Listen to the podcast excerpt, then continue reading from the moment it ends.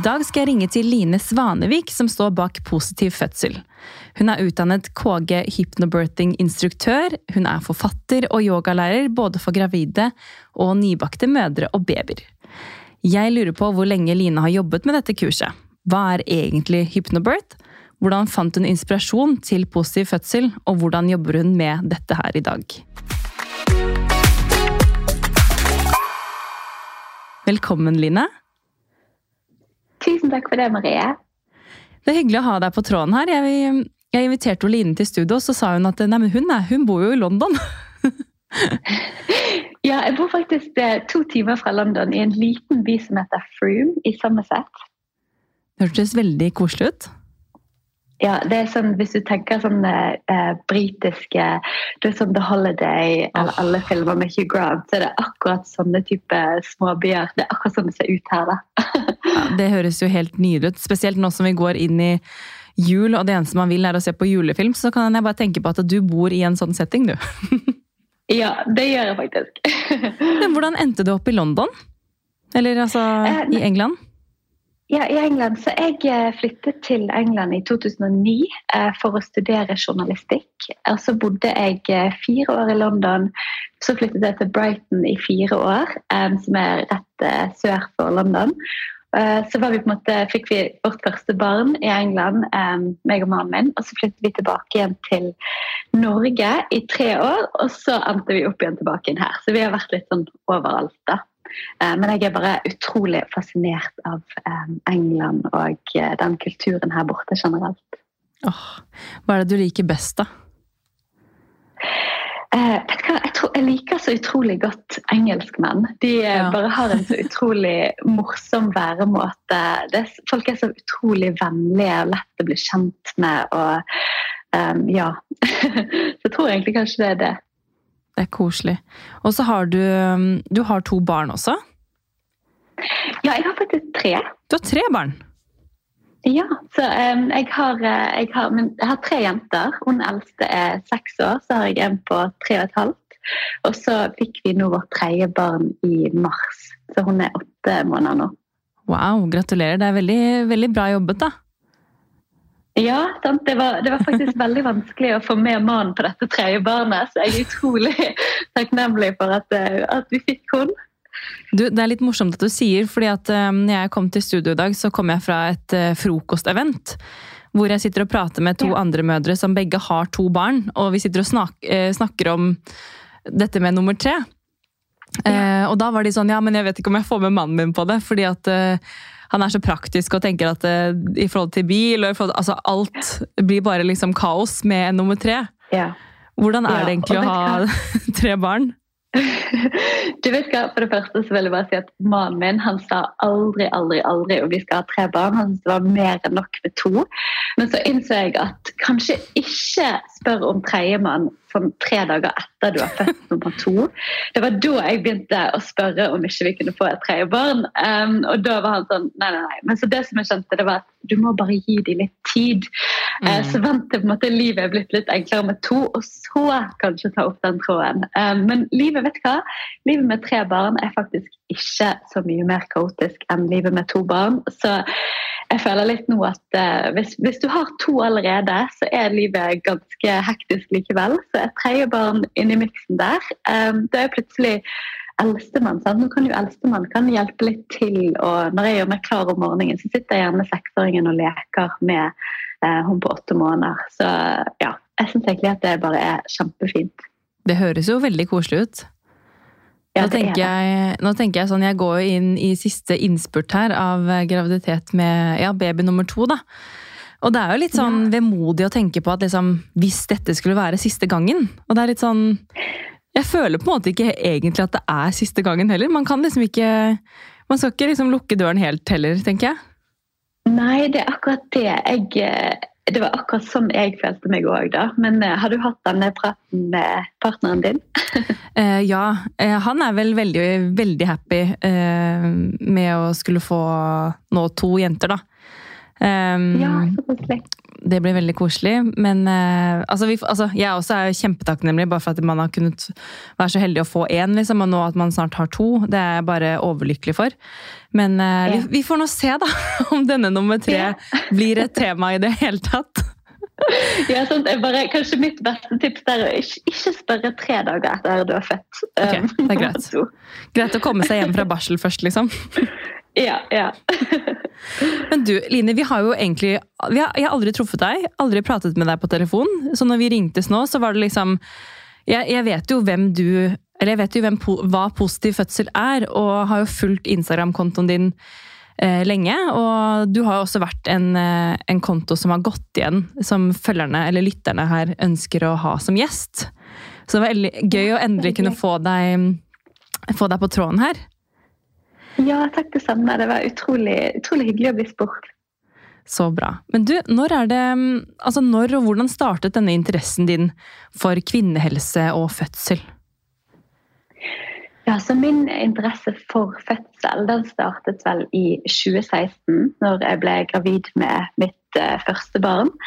Um, så da gikk jo jeg på altså Jeg som mange andre sant, visste jo egentlig ingenting om fødsel. Uh, selv om mamma hun, hun er faktisk uh, fysioterapeut og har jobbet med kvinnehelse hele livet. Så hun, jeg husker alltid at hun hadde sånne fødselsforberedende kurs osv.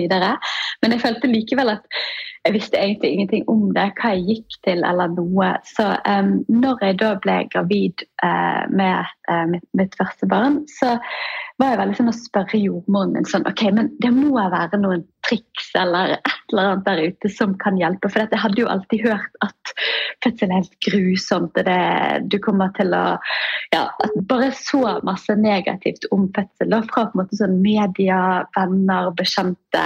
Alle vil bare fortelle deg om hvor grusomt det er.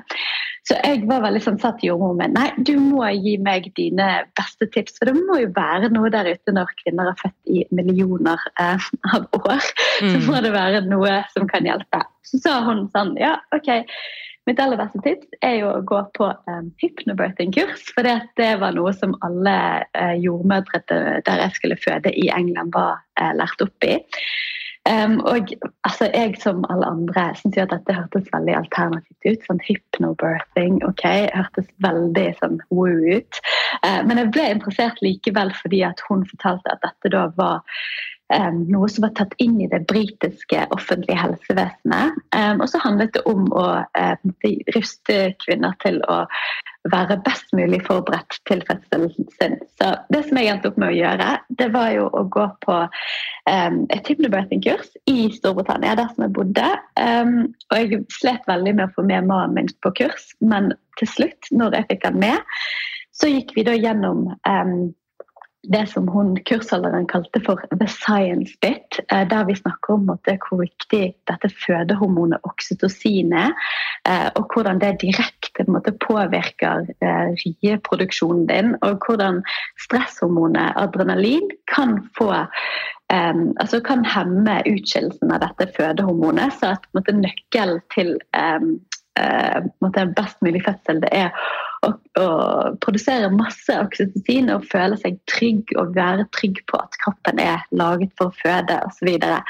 så når vi gikk på dette kurset, da, så ble både jeg og mannen min bare helt måte, overbevist om at dette er jo en kunnskap som alle burde ha. Så det er på en måte sånn det startet for meg, da. Men hvordan, hvordan produserer man oksytocin, da? Ja, så Oksytocin er jo det som mange kjenner som enten kjærlighetshormonet eller lykkehormonet. Men også fødehormonet og ammehormonet. Så når, eh, når, man føler seg trygg og rolig og avspent, og gjerne um, under fødsel hvis man har på en måte nær kontakt med mannen sin, at man får, eller partneren sin, at man får eh, på en måte kjærlighet og støtte oppmuntrende ord. At man, men det som er på en måte veldig veldig viktig her, det er jo at man føler seg trygg og uobservert. Det er på en måte de to grunnleggende behovene man har under fødselen. Um, så det er masse man kan gjøre rundt det. Uh, som, ja, som, jeg nevnte, uh, ha masse nærhet med partner, uh, være trygg på kroppen sin, sin egen fødeevne. Lage et oksytocinvennlig fødemiljø som må dempe belysningen, fordi at oksytocinet trives best i måte, mørke omgivelser. Um, og ja, bruke god pusteteknikk osv. Og alt dette her, det skal man liksom huske på da, mens man har riefest. ja, eh, men det som er litt fint da, i eh, det som vi jobber med i hypnobating, i det kurset som jeg har, det er jo at man gjør denne, dette forarbeidet på um, eller dette, dette, arbeidet på forhånd, sånn at når mm. fødsel begynner, så trenger du egentlig ikke å tenke så veldig mye over alt dette, for dette vil da ligge veldig naturlig for deg. Og forhåpentligvis så har du gjort dette, um, denne forberedelsen sammen med partneren din, så partneren kan gjerne ta seg av disse praktiske tingene. Så det eneste du trenger å gjøre, det er å på en måte gå inn i din fødeboble og la kroppen gjøre det uh, den er laget for å gjøre. Det. Så det er ikke på en måte som en type eksamen der du skal på en måte prestere under fødsel. Nei, men det er jo fint at du sier, fordi sånn følte jeg selv da jeg skulle føde Olivia, eh, som nå er litt over to år. Men da følte jeg sånn Så lenge jeg har på en måte forberedt meg så godt jeg kan, og på en måte er trygg på at jeg vet sånn noenlunde hva som skjer, eh, så kan jeg i hvert fall gå inn i fødselen og fokusere på det som skjer der og da, eh, uten å være stressa for liksom, hva hvis dette skjer, hva hvis dette skjer. Så det var liksom stor trygghet for meg også, å bare vite at liksom Jeg har på en måte lest meg opp og på en måte prøvd å eh, Hva skal jeg si? eh, suge til meg de tipsene jeg ønsket, da. Um, ja, men når det ja. kommer til, til partner, så, så, bare skal jeg slenge inn et lyttespørsmål her. Fordi det kom inn et spørsmål om hvordan man kan få partner til å ta ansvar og involvere seg under fødsel. Og du nevnte jo litt om det nå, men har du noen gode tips der? Ja, altså dette er jo utrolig Jeg merker at dette er så delt. fordi at Noen partnere de er sånn OK, gi meg alle tips. Jeg har lyst til å være med, jeg skal støtte deg, jeg er her for deg. Men så er det en del òg som er sånn åh, OK, dette er ikke noe for meg. Du, Fødsel det er sånn din greie, og du finner ut av det, og så bare si til meg hva jeg skal gjøre. på en måte. Men um, det er så viktig å få med partner på dette. fordi at dette, når det kommer til spesielt i hypnobirthing, når vi ser på denne helheten og hvorfor det er så viktig å forberede seg på en ja, helhetlig måte når det kommer til eh, både avspenning, altså denne kunnskapen om oksytocin, og hvorfor det er viktig at man ikke eh, blir stresset, at man kan få, uh, komme seg inn i sin egen fødeboble og alle mulige ting som partner kan gjøre for å hjelpe. Så føler jeg at det er så viktig å si til de partnerne som kanskje er litt skeptiske i utgangspunktet, at for det første eh, så er det faktisk kjempemasse partner kan gjøre for å støtte deg i fødselen.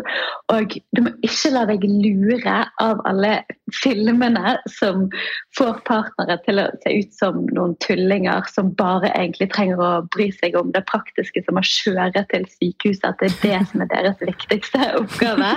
Jeg føler, jeg føler liksom at vi har blitt mm. fòret til så mange fortellinger om at det er liksom partneren sin jobb. Bare glem alt det. Det er kjempemasse partner kan um, gjøre under fødsel. Uh, og jeg tror også at det bare partner har forberedt seg sammen med deg, og si til partneren sin at det vil gi partneren en egen trygghet i seg selv, istedenfor at man da står litt på sidelinjen og bare 'Å, jeg vet ikke helt hva min rolle er oppi dette' ta et kurs sammen med, med uh, partneren din, sånn at han eller hun vet nøyaktig hva som er viktig for deg, sånn at dere kan snakke gjennom det på forhånd osv. Så, videre. så ja, bare virkelig få frem at dette er noe man skal gjøre sammen. Ja, tenker jeg er viktig. Ja, det er jo Man har jo på en måte eh, altså, Som oftest, da, så er jo det å få barn noe man eh, ønsker sammen, som et par. Eller som en, ja. et partnerskap. Um, ja. Og da, da, er det jo sånn, når man går inn i det og på en måte blir gravid og på en måte har den reisen sammen, så vil man jo også på en måte føle at man står sammen om det til den babyen kommer til verden. Så det var veldig gode tips, og det tror jeg kommer godt med for mange som sitter der og kanskje snart skal føde. Kanskje man sitter og har en partner som ikke vet helt hvordan man skal på en måte involvere seg, så da kan, man, da kan jo dette være gode tips til de. Ja, absolutt. Og spesielt dette med at, eh, at partneren også kan sette seg inn i ønskene som kvinnen har for fødselen. Når det kommer til altså, ja, alt man skriver i fødebrevet, f.eks. For, for alle burde skrive et fødebrev, mener jeg. Eh, at man har gått gjennom dette med partneren også, sånn at partneren gjerne kan um, ja, være veldig klar på hvilke ønsker du har for fødsel. For dette er det så mye lettere òg å um, Støtte under fødsel. Mm. Ja, ja, absolutt. Men har du lyst til å dele noen av dine erfaringer rundt fødsel, da? Ja, når det kommer til mine egne fødsler? Mm. Ja, så um, jeg har hatt tre utrolig forskjellige fødselsopplevelser.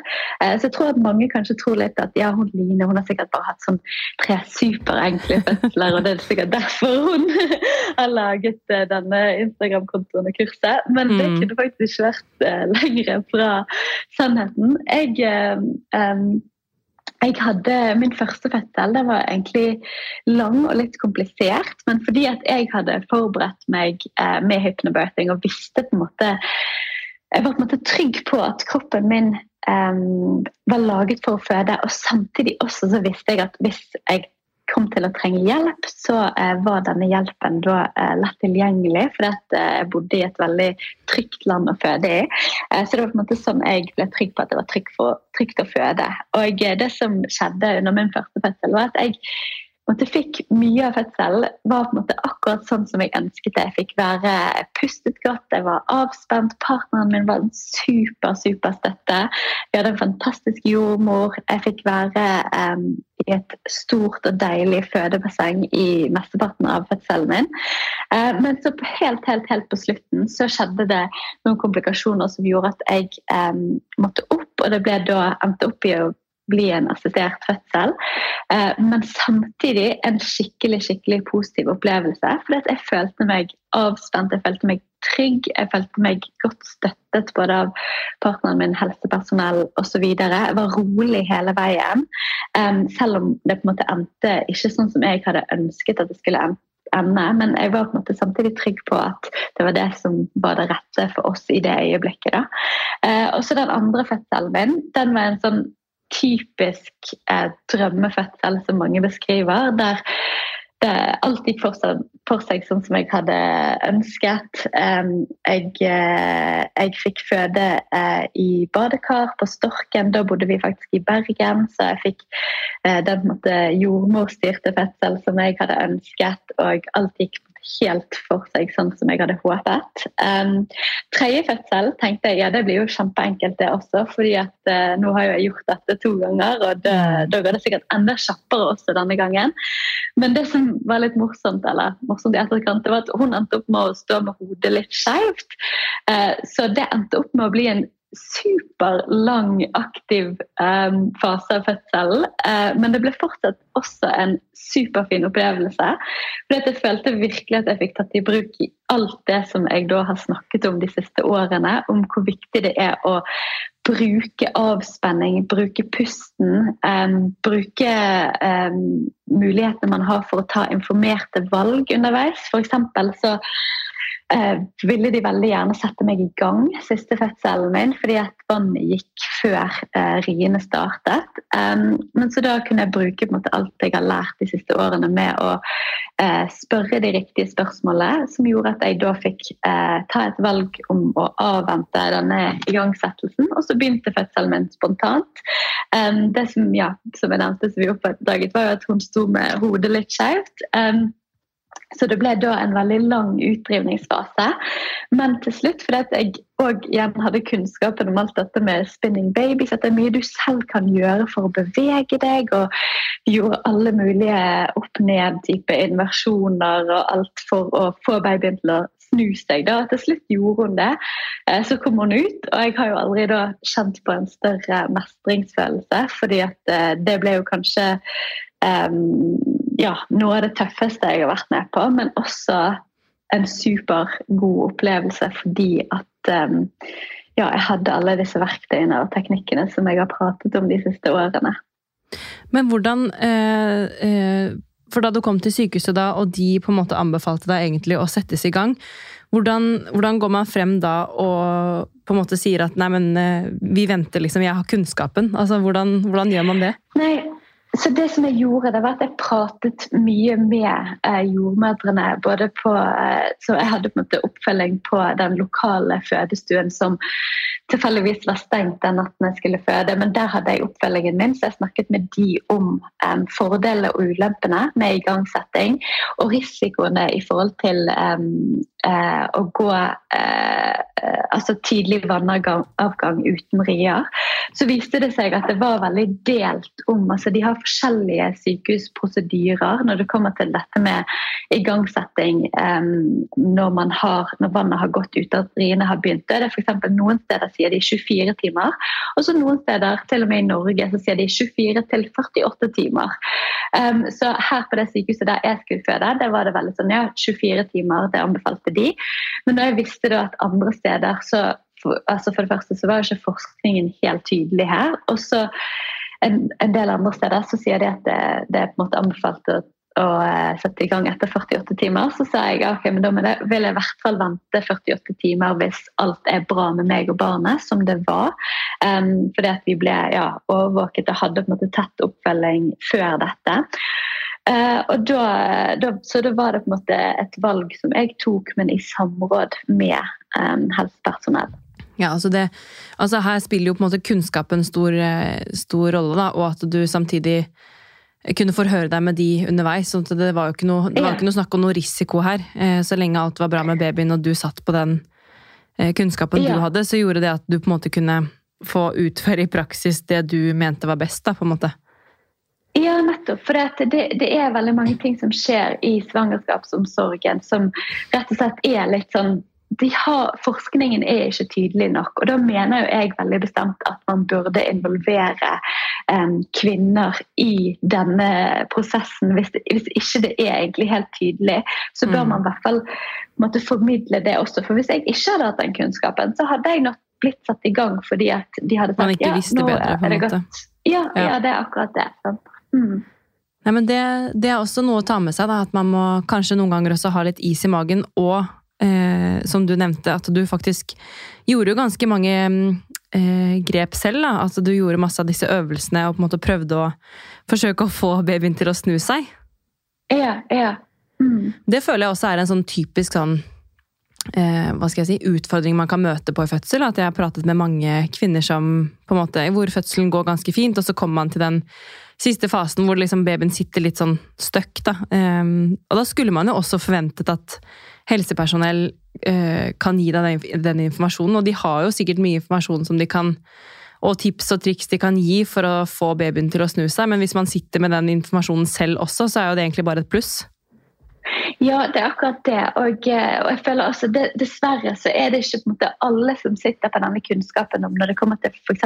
spinning baby, som jeg anbefaler alle å sjekke ut. De har så mm. mange gode um, tips til f.eks. snu baby som sitter i seteleie, og få babyen inn i en optimal um, position uh, for uh, fødsel. Men det er dessverre ikke alle helsepersonell som sitter på akkurat den kunnskapen. Så det at man da tar litt eierskap over det selv og tenker at ok, her er det noe jeg kan uh, lese meg opp på, og øvelser jeg kan gjøre, og ja, ting man kan gjøre selv. For man kan på en måte ikke bare Det er mange som har et sånn utgangspunkt der de sier at ja, men, eh, men de på sykehuset vet best, så jeg bare lar alt ligge i hendene deres. Og ja. det tenker jeg ikke er det beste utgangspunktet. Jeg tenker Det beste utgangspunktet er hvis du ruster deg opp med masse masse god informasjon, slik at du da um, ja, kan ta litt eierskap over dette og, og, faktisk vite litt hva du selv kan gjøre underveis òg, istedenfor å bare um, Lene deg på de. Ja. ja. ja. Nei, men Det er veldig gode tips. Det skal jeg også ta med meg.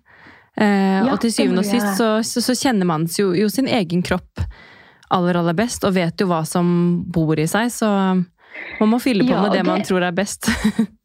Ja, det er helt sant. For man skal på en måte ikke undervurdere det heller. Sant? At fødsel det er ganske mye når det kommer til eh, svangerskap og fødsel, barseltiden, som er ganske intuitivt. Sant? Det er derfor f.eks. når det kommer til fødestillinger, og noen sier hva er den beste fødestillingen, så er det egentlig ikke noe som er den beste fødestillingen. fordi at hvis du lytter til kroppen din, så vil ofte kroppen fortelle deg hva den beste stillingen er der og da. Og det kan handle om hvordan babyen ligger i bekkenet. Sant? Om du ønsker å eh, henge, altså stå eller stå på knær og henge over noe, eller rett og slett bare gå frem og tilbake, så er det kanskje kroppen din som prøver å fortelle deg noe eh, som gjør at du og måte, babyen jobber sammen. For det er på en måte et samarbeid mellom deg og babyen i fødsel. og det er noen som kanskje kan skimse litt av det, men det er faktisk det hvis man bare virkelig lytter inn også. Det er så sykt å tenke på hvor sammensatt denne kroppen er. Jeg tenkte faktisk på det i går også. Eh, når man f.eks. Ja, i et svangerskap da er sliten eller føler at man, det er noe man trenger, så er kroppen faktisk såpass smart at den sier ifra. Det er bare å lytte, ja. egentlig. Ja, og det er det jeg føler at vi virkelig burde bli flinkere til dette. Og faktisk lytte innover. Eh, det er noe som jeg jobber med å gjøre eh, hver dag selv også. Men spesielt også når det kommer til, til altså, morsinstinktet og bare ja, de primale instinktene man har. Da. Mm. Så eh, ja, jeg tror dette er kjempeviktig sånn i livet generelt, å lytte innover. Absolutt. Altså Line, du er jo superinspirerende og inspirerer jo masse mennesker hver eneste dag. Altså, er dette noe du alltid har hatt en interesse for?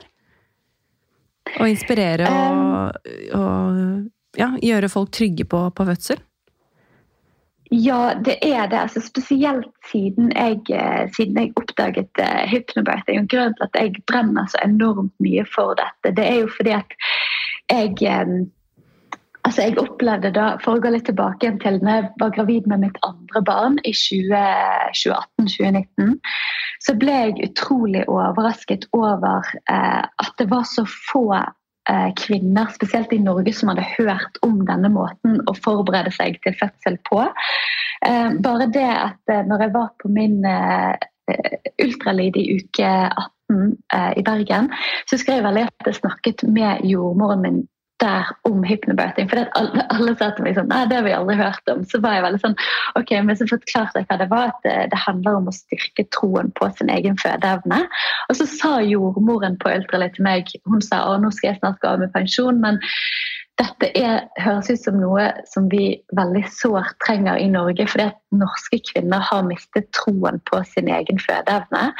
Og det inspirerte meg veldig til å starte Positiv fødsel òg. Fordi at jeg ble veldig sånn Men vi må, det er så mye vi selv kan gjøre for å forberede oss til fødselen. Um, altså, jeg, ikke, jeg tør ikke tenke på hvordan det hadde vært å skulle føde uten å kunne alt det som jeg kan nå i forhold til den mentale treningen, til avspenningsverktøyene som um, jeg brukte. Og, altså, så mye av fødselen den sitter jo i hodet. Jeg vil si at 90% av fødselen og fødselsarbeidet sitter jo i hodet. For kroppen din den gjør jo jobben, jobben. selv. Du, mm. ja, du, den åpner seg opp og lager altså, herregud, muskler på, på, uh, trekker seg opp over livmoren.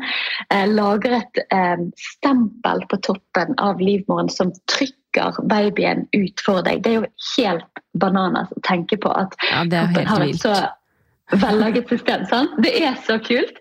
Så hvis vi som kvinner forstår at det vi trenger å gjøre, det er faktisk bare holde hodet kaldt og rolig, eller varmt. Um, altså virkelig, virkelig mm kunne skjønne at det vi trenger å gjøre, det er bare å fokusere på mentalt å komme oss gjennom. For kroppen den gjør jo selve jobben for deg. Sant? Og det er noe som jeg ønsker at alle kvinner eh, vet i forkant av fødsel. Så nå har jeg sikkert snakket meg litt vekk, men ja, jeg, så, jeg brenner så utrolig for, å, eh, for at kvinner skal ta eierskap over fødselen og vite at det er så mye de selv kan gjøre. Men møter du på Fordi det er jo um, En ting er jo hvis man på en måte leser seg opp på dette her, og faktisk tar i bruk de verktøyene som du prater om. Men mm. møter du også på uh, på en måte skepsis og folk som stiller liksom spørsmålstegn ved sånn Ok, ja, puste seg gjennom fødsel, lykke til, liksom. Møter du, møter du noen av de holdningene også? Og jeg møter kjempemange av de holdningene òg. Men det som er så gøy, det er at jeg vil si 20 av fødselshistoriene som kommer inn til meg, og meldingene som kommer inn til meg, det er sånn Å, Line, jeg hadde aldri trodd at dette skulle funke. Jeg var superskeptisk når jeg først meldte meg på kurset og tenkte at hvordan i all skal dette hjelpe meg? Men så skjønner de ved å gå gjennom det at å ja, selvfølgelig, det handler jo om så mye mer enn å bare puste litt. Så mye av dette òg vil jeg si at er fødselsfeminisme. Fordi at det handler jo om dette med å forstå hva som skjer i kroppen og selve fødselsprosessen, sånn at vi kan måtte, forstå hvordan kroppen vår er dødskul og faktisk har laget et system for å føde barnet for deg helt alene. Um, men samtidig så handler det òg om disse mentale verktøyene. som Tenk litt på det som å um, Altså hvordan toppidrettsutøvere forbereder seg til konkurranse eller kamp, selv om selvfølgelig må jeg påpeke at fødsel er ingen konkurranse, um, så er det jo en kjempestor fysisk og mental begivenhet man skal gjennom. Um, så hvis du ser på det litt sånn da, at det er noe du virkelig må mentalt forberede deg på å gjøre, så bruke mentaltrening til det. Men så kommer det et kjempeannet eh, viktig element òg, som handler om um, valgmuligheter rett rettigheter vi har som fødende. For du har kjempemange valg og rettigheter som fødende. Men hvis du ikke vet om det, så er det veldig lett at du bare da blir presset gjennom den malen som veldig mange andre eh, før deg har blitt presset gjennom. Selv om det kanskje ikke er riktig for deg. Men hvis du faktisk kan ta litt um, ja, ta inn denne informasjonen, sånn at du vet hvilke valg og rettigheter du har, så kan det endre så utrolig mye av fødselen din. Og det er da måte, så mange skjønner at ok, dette handler om mer enn å bare puste litt. Og så er jo det faktisk viktig å påpeke at den metoden, hypnobirthing-metoden den er jo også um, vitenskapelig dokumentert til å redusere smerte, redusere frykt og bidra til en god fødselsopplevelse. Så, um, Der ja, har man det rett og slett svart så, på hvitt.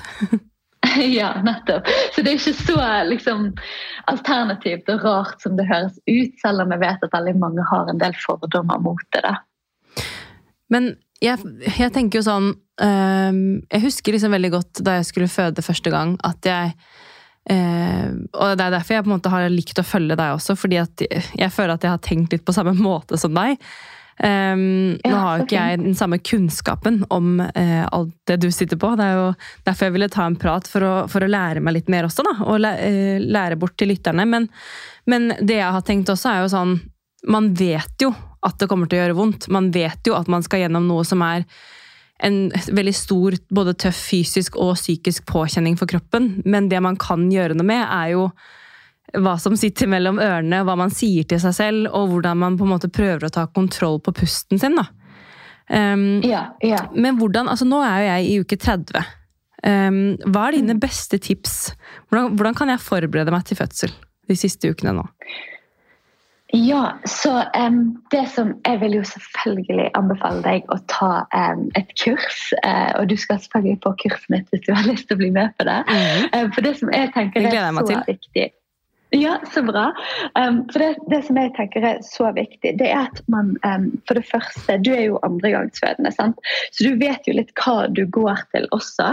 Uh, men det å, um, å, bruke Det som jeg anbefaler alle, er jo å bruke disse her lydfilene med uh, avspenning, som også hjelper deg til å styrke troen på din egen fødeevne. Så for, for det første at du tar til deg masse informasjon om kroppen og fødsel og hva som skal skje. Um, lære lære deg hvordan du produserer oksytocin og unngår dette stresshormonet adrenalin, fordi at adrenalin faktisk blokkerer denne um, produksjonen av oksytocin, som er dette fødehormonet. Så det andre det er å lære deg hvilke valgmuligheter som jeg nevnte, valgmuligheter og rettigheter som du har som fødende. For det er så mange ting man skal ta um, stilling til under fødselen. Um, jeg kan bare komme med et komme bare Ja. med et kjapt eksempel der. Det var jo, vi tok et eh, kurs på et fø fødselsforberedende kurs på Ullevål. Um, Og da var det jo sånn um, Mye av det hadde jeg på en måte lest meg opp på fra før, men så var det godt å bare komme dit, uh, se hvor vi skulle gå hen den dagen vi kom inn til fødsel. Um, Og bare sitte der sammen med andre som var i samme situasjon, få høre litt andre spørsmål, og ikke minst høre om de forskjellige smertelindringene. Altså Bare det gjorde, gjorde at jeg følte meg på en måte trygg på at ok, men hvis det skulle være behov for det, så har jeg ekstremt mange alternativ. da. Man har jo bare hørt om, eller jeg hadde i hvert fall bare hørt om ok, epidural. That's it, liksom. Men for meg så var det på en måte i starten av fødselen så var det liksom en varmepose. Det skulle man jo ikke trodd når man sitter der og har eh, sitt livs smerte. Men så skulle man jo ikke trodd at det eh, faktisk hjalp. Men for meg så hjalp det utrolig bra ganske lenge. Ja. Så det er sånn, bare den kunnskapen å vite at liksom, ok, dette er et alternativ, dette kan du få. Dette har du krav på, Ja. eller dette har du, kan du få tilbud om på sykehuset. Det gjorde at jeg også liksom klarte å slappe av litt mer, da. Ja, og det er så viktig som du sier, at liksom, det er noen som jeg tror går litt inn i det der at de tenker at nei, men eh, jeg bare tar det som det kommer. Men jeg tenker at Mm. det er liksom det, det eneste du ikke må gjøre, uansett hvordan du eh, velger å forberede deg. Bare, ikke bare ta det som det kommer. Ta et kurs, les deg opp. Det er så mye du selv kan gjøre. Sant? Og En av de tingene som jeg mener veldig sterkt mangler fra de mer tradisjonelle type fødselsforberedende kursene, det er dette med å styrke troen på sin egen fødeevne for å bli trygg på at du kan føde. Og det er også som eh, Jeg skriver om dette i, boken min og eh, en del eh, dette med det psykologiske aspektet av smerte. Sant?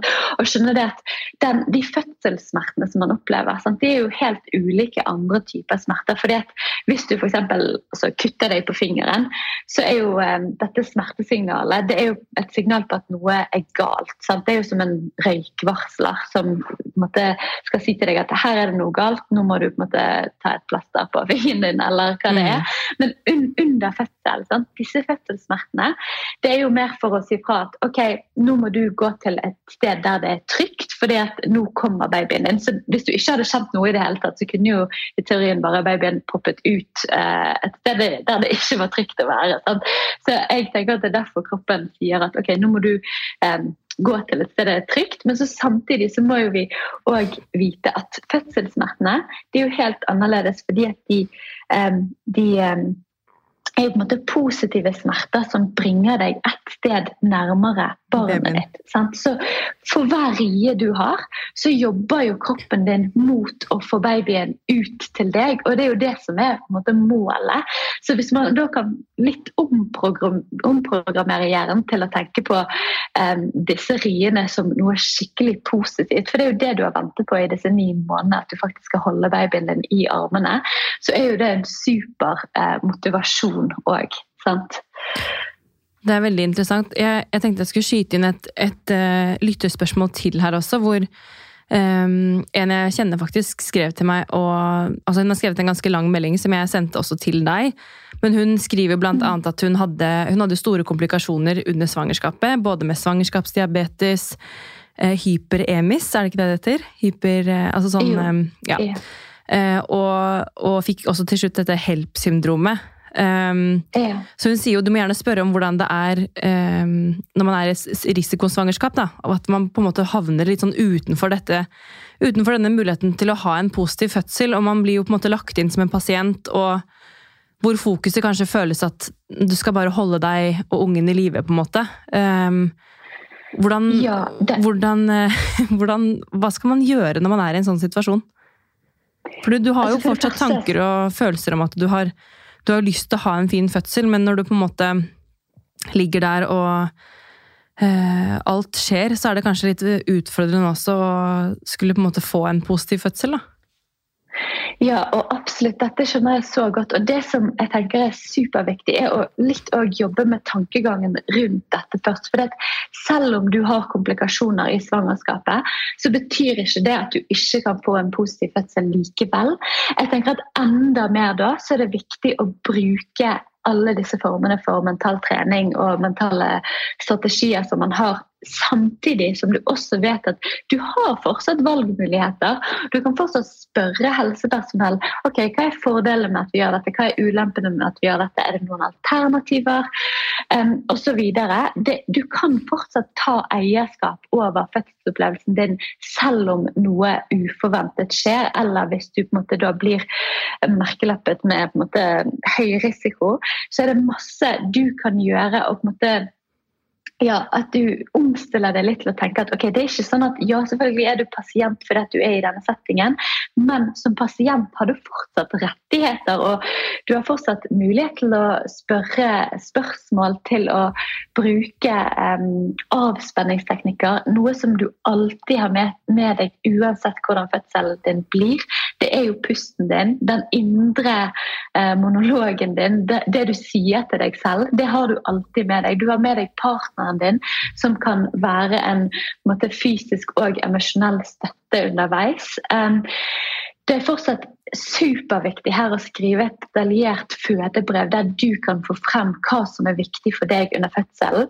Altså, spør da om, om, om ja, hvis det er spesifikke ønsker som du har, snakk med helsepersonell på forhånd og få gode, gode, grunner til hvorfor de er nødt til å gjøre noe som kanskje du i utgangspunktet ikke ønsket, um, så er det på en måte enklere da å slå seg til ro med at ting eh, som du egentlig i utgangspunktet ikke ønsker, måte må skje. Da. Eller kanskje er det noe som eh, de hadde tenkt til eh, å gjøre, som de kanskje kan gjøre på en annen måte fordi at du har et annet ønske. Så det er ha denne dialogen med sykehuset, og ikke bare gå inn i den rollen der ok, nå er jeg hjelpeløs. For du er ikke det. Det er fortsatt kjempemye du selv kan gjøre. Her er det så mange gode tips, syns jeg. Hvis man skal på en måte oppsummere litt den praten vi har hatt nå, så er det jo litt sånn Det handler mye om å faktisk ta eierskap til egen fødsel, være litt nysgjerrig, eh, og ikke minst ja. skaffe seg kunnskap da, som gjør at man står sterkere den dagen man kommer til sykehuset og skal få babyen sin. Ja, absolutt. Og jeg tenker også at Det som er så viktig for frem, er at sånn som du for eksempel, nå som andregangsfødende, så er du sikkert òg kjempemye mer opptatt av hvordan du forbereder deg denne gangen. For man vet at det er en veldig stor både altså fysisk og mental uh, påkjenning man skal gjennom. Um, så det at man da, Hvis man for hører dette som førstegangsfødende, vet at det er ting man kan gjøre, og ikke på en måte gå inn i den greia der man hører at naboene, venninnene og svigermor sier at nei, dette må du bare henge med, og det kommer til å gjøre supervondt, for det er sånn fødsel er, og det er ikke noe du selv kan gjøre. Bare lukk ørene til det, og gjør det du kan for å ta til deg informasjon. Åh, applaus. To, strek, to streker under det svaret der. Du, det er så godt å få, få, pratet med deg, Line. og Jeg håper at uh, lytterne også syns at det her var veldig nyttig. Spesielt de som er gravide, snart går mot fødsel, eller kanskje kjenner noen som skal gå mot fødsel. Uh, så har man fått masse gode tips på veien. Uh, vi kommer ikke unna av en episode uten å prate om Eller ta opp hot mama-tips. Så jeg skal spørre yeah. deg om du har et tips til lytterne? Ja, um, det jeg kommer på først um, Jeg kunne sikkert kommet med mange andre tips. Men noe som meg og ungene elsker for tiden, som vi har holdt på med de siste seks årene, det er at når min eldste ble født, så uh, leste vi en artikkel om at det var noen som hadde forsket på uh, musikk og lyder som gjør babyer og barn glade. Og så lagde de en sang basert på alt dette.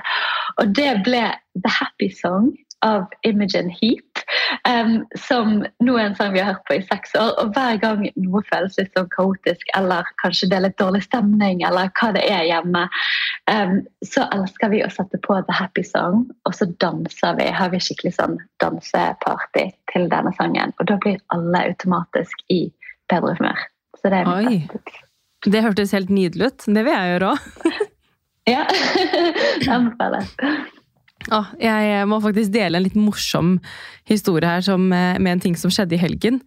Um, ja. Nå er det jo litt sånn, det nærmer seg jul, og jeg følte at vi var tatt i en scene ut fra 'Hjelp deg juleferie'. Hvor vi hadde vært ute og han, Eller jeg hadde vært ute og handlet og hadde ja, litt for mye i den handlekurven, så jeg måtte be om litt assistanse og få hjelp til å bære. Så Georg måtte komme og møte meg. Um, og jeg prøver å være litt miljøbevisst da, og, og sto i butikken og valgte papirposer. Eh, det var veldig smart, tenkte jeg, eh, men jeg burde kanskje plassert tingene i flere poser enn bare to. For når vi kommer ut eh, midt i Bogstadveien, så revner jo disse posene. Og matvarer faller ut. Uh, og det var bare, Jeg så meg selv utenfra bare sånn Vet du hva, jeg må telle til ti. Jeg hadde kjøpt en ny hvit duk som jeg skulle ha dagen etter til familiebesøk. Og jeg hadde kjøpt rødbeter som bare Den duken var helt rød. Og bare, vet du hva, Da skulle jeg gjerne hatt The Happy Song, for å si det sånn. Ja, sant. Vet du hva du gjør da? Det du gjør da, det er da du husker at fødepussen den kan du bruke resten av livet. Spesielt i sånne sammenhenger. Oh, inn gjennom nesen, ut gjennom munnen. Men vet du hva? Det, var, det, det, er ikke langt unna hva det jeg gjorde. Altså, fordi Da var det bare snakk om å få de varene oppi posen. Komme seg langt vekk fra alle de folkene vi sto rundt. Og så var det bare å komme seg hjem. Og da var det sånn jeg, måtte bare, jeg, jeg, kunne ikke se på Georg og Olivia, jeg måtte bare se en annen vei. Puste og telle til ti. Så det er også et hot mamma-tips. Tell til ti. Ja, absolutt. Men du, Line, tusen, tusen takk for at du tok deg tid til å mm, prate med meg. Og jeg gleder meg til å ta kurset ditt. Eh, så skal jeg stille så sterkt jeg kan til den eh, fødselen her. Og jeg håper at eh, lytterne også har fått eh, mye ut av den praten. Og hvis de ønsker å komme i kontakt med deg, hvordan når, eh, når de deg da? Ja, så Du kan finne meg på Instagram at positiv fodsel. Um, så du finner meg der. Og så vil jeg bare også si tusen takk for at jeg vil komme. Det var utrolig hyggelig. Og masse lykke til til din egen fødsel. Jeg håper du kommer til å dele din positive fødselsopplevelse etterpå. Det skal jeg gjøre. Tusen, ja. tusen takk for at du tok deg tid. Ja, takk for at jeg kom med.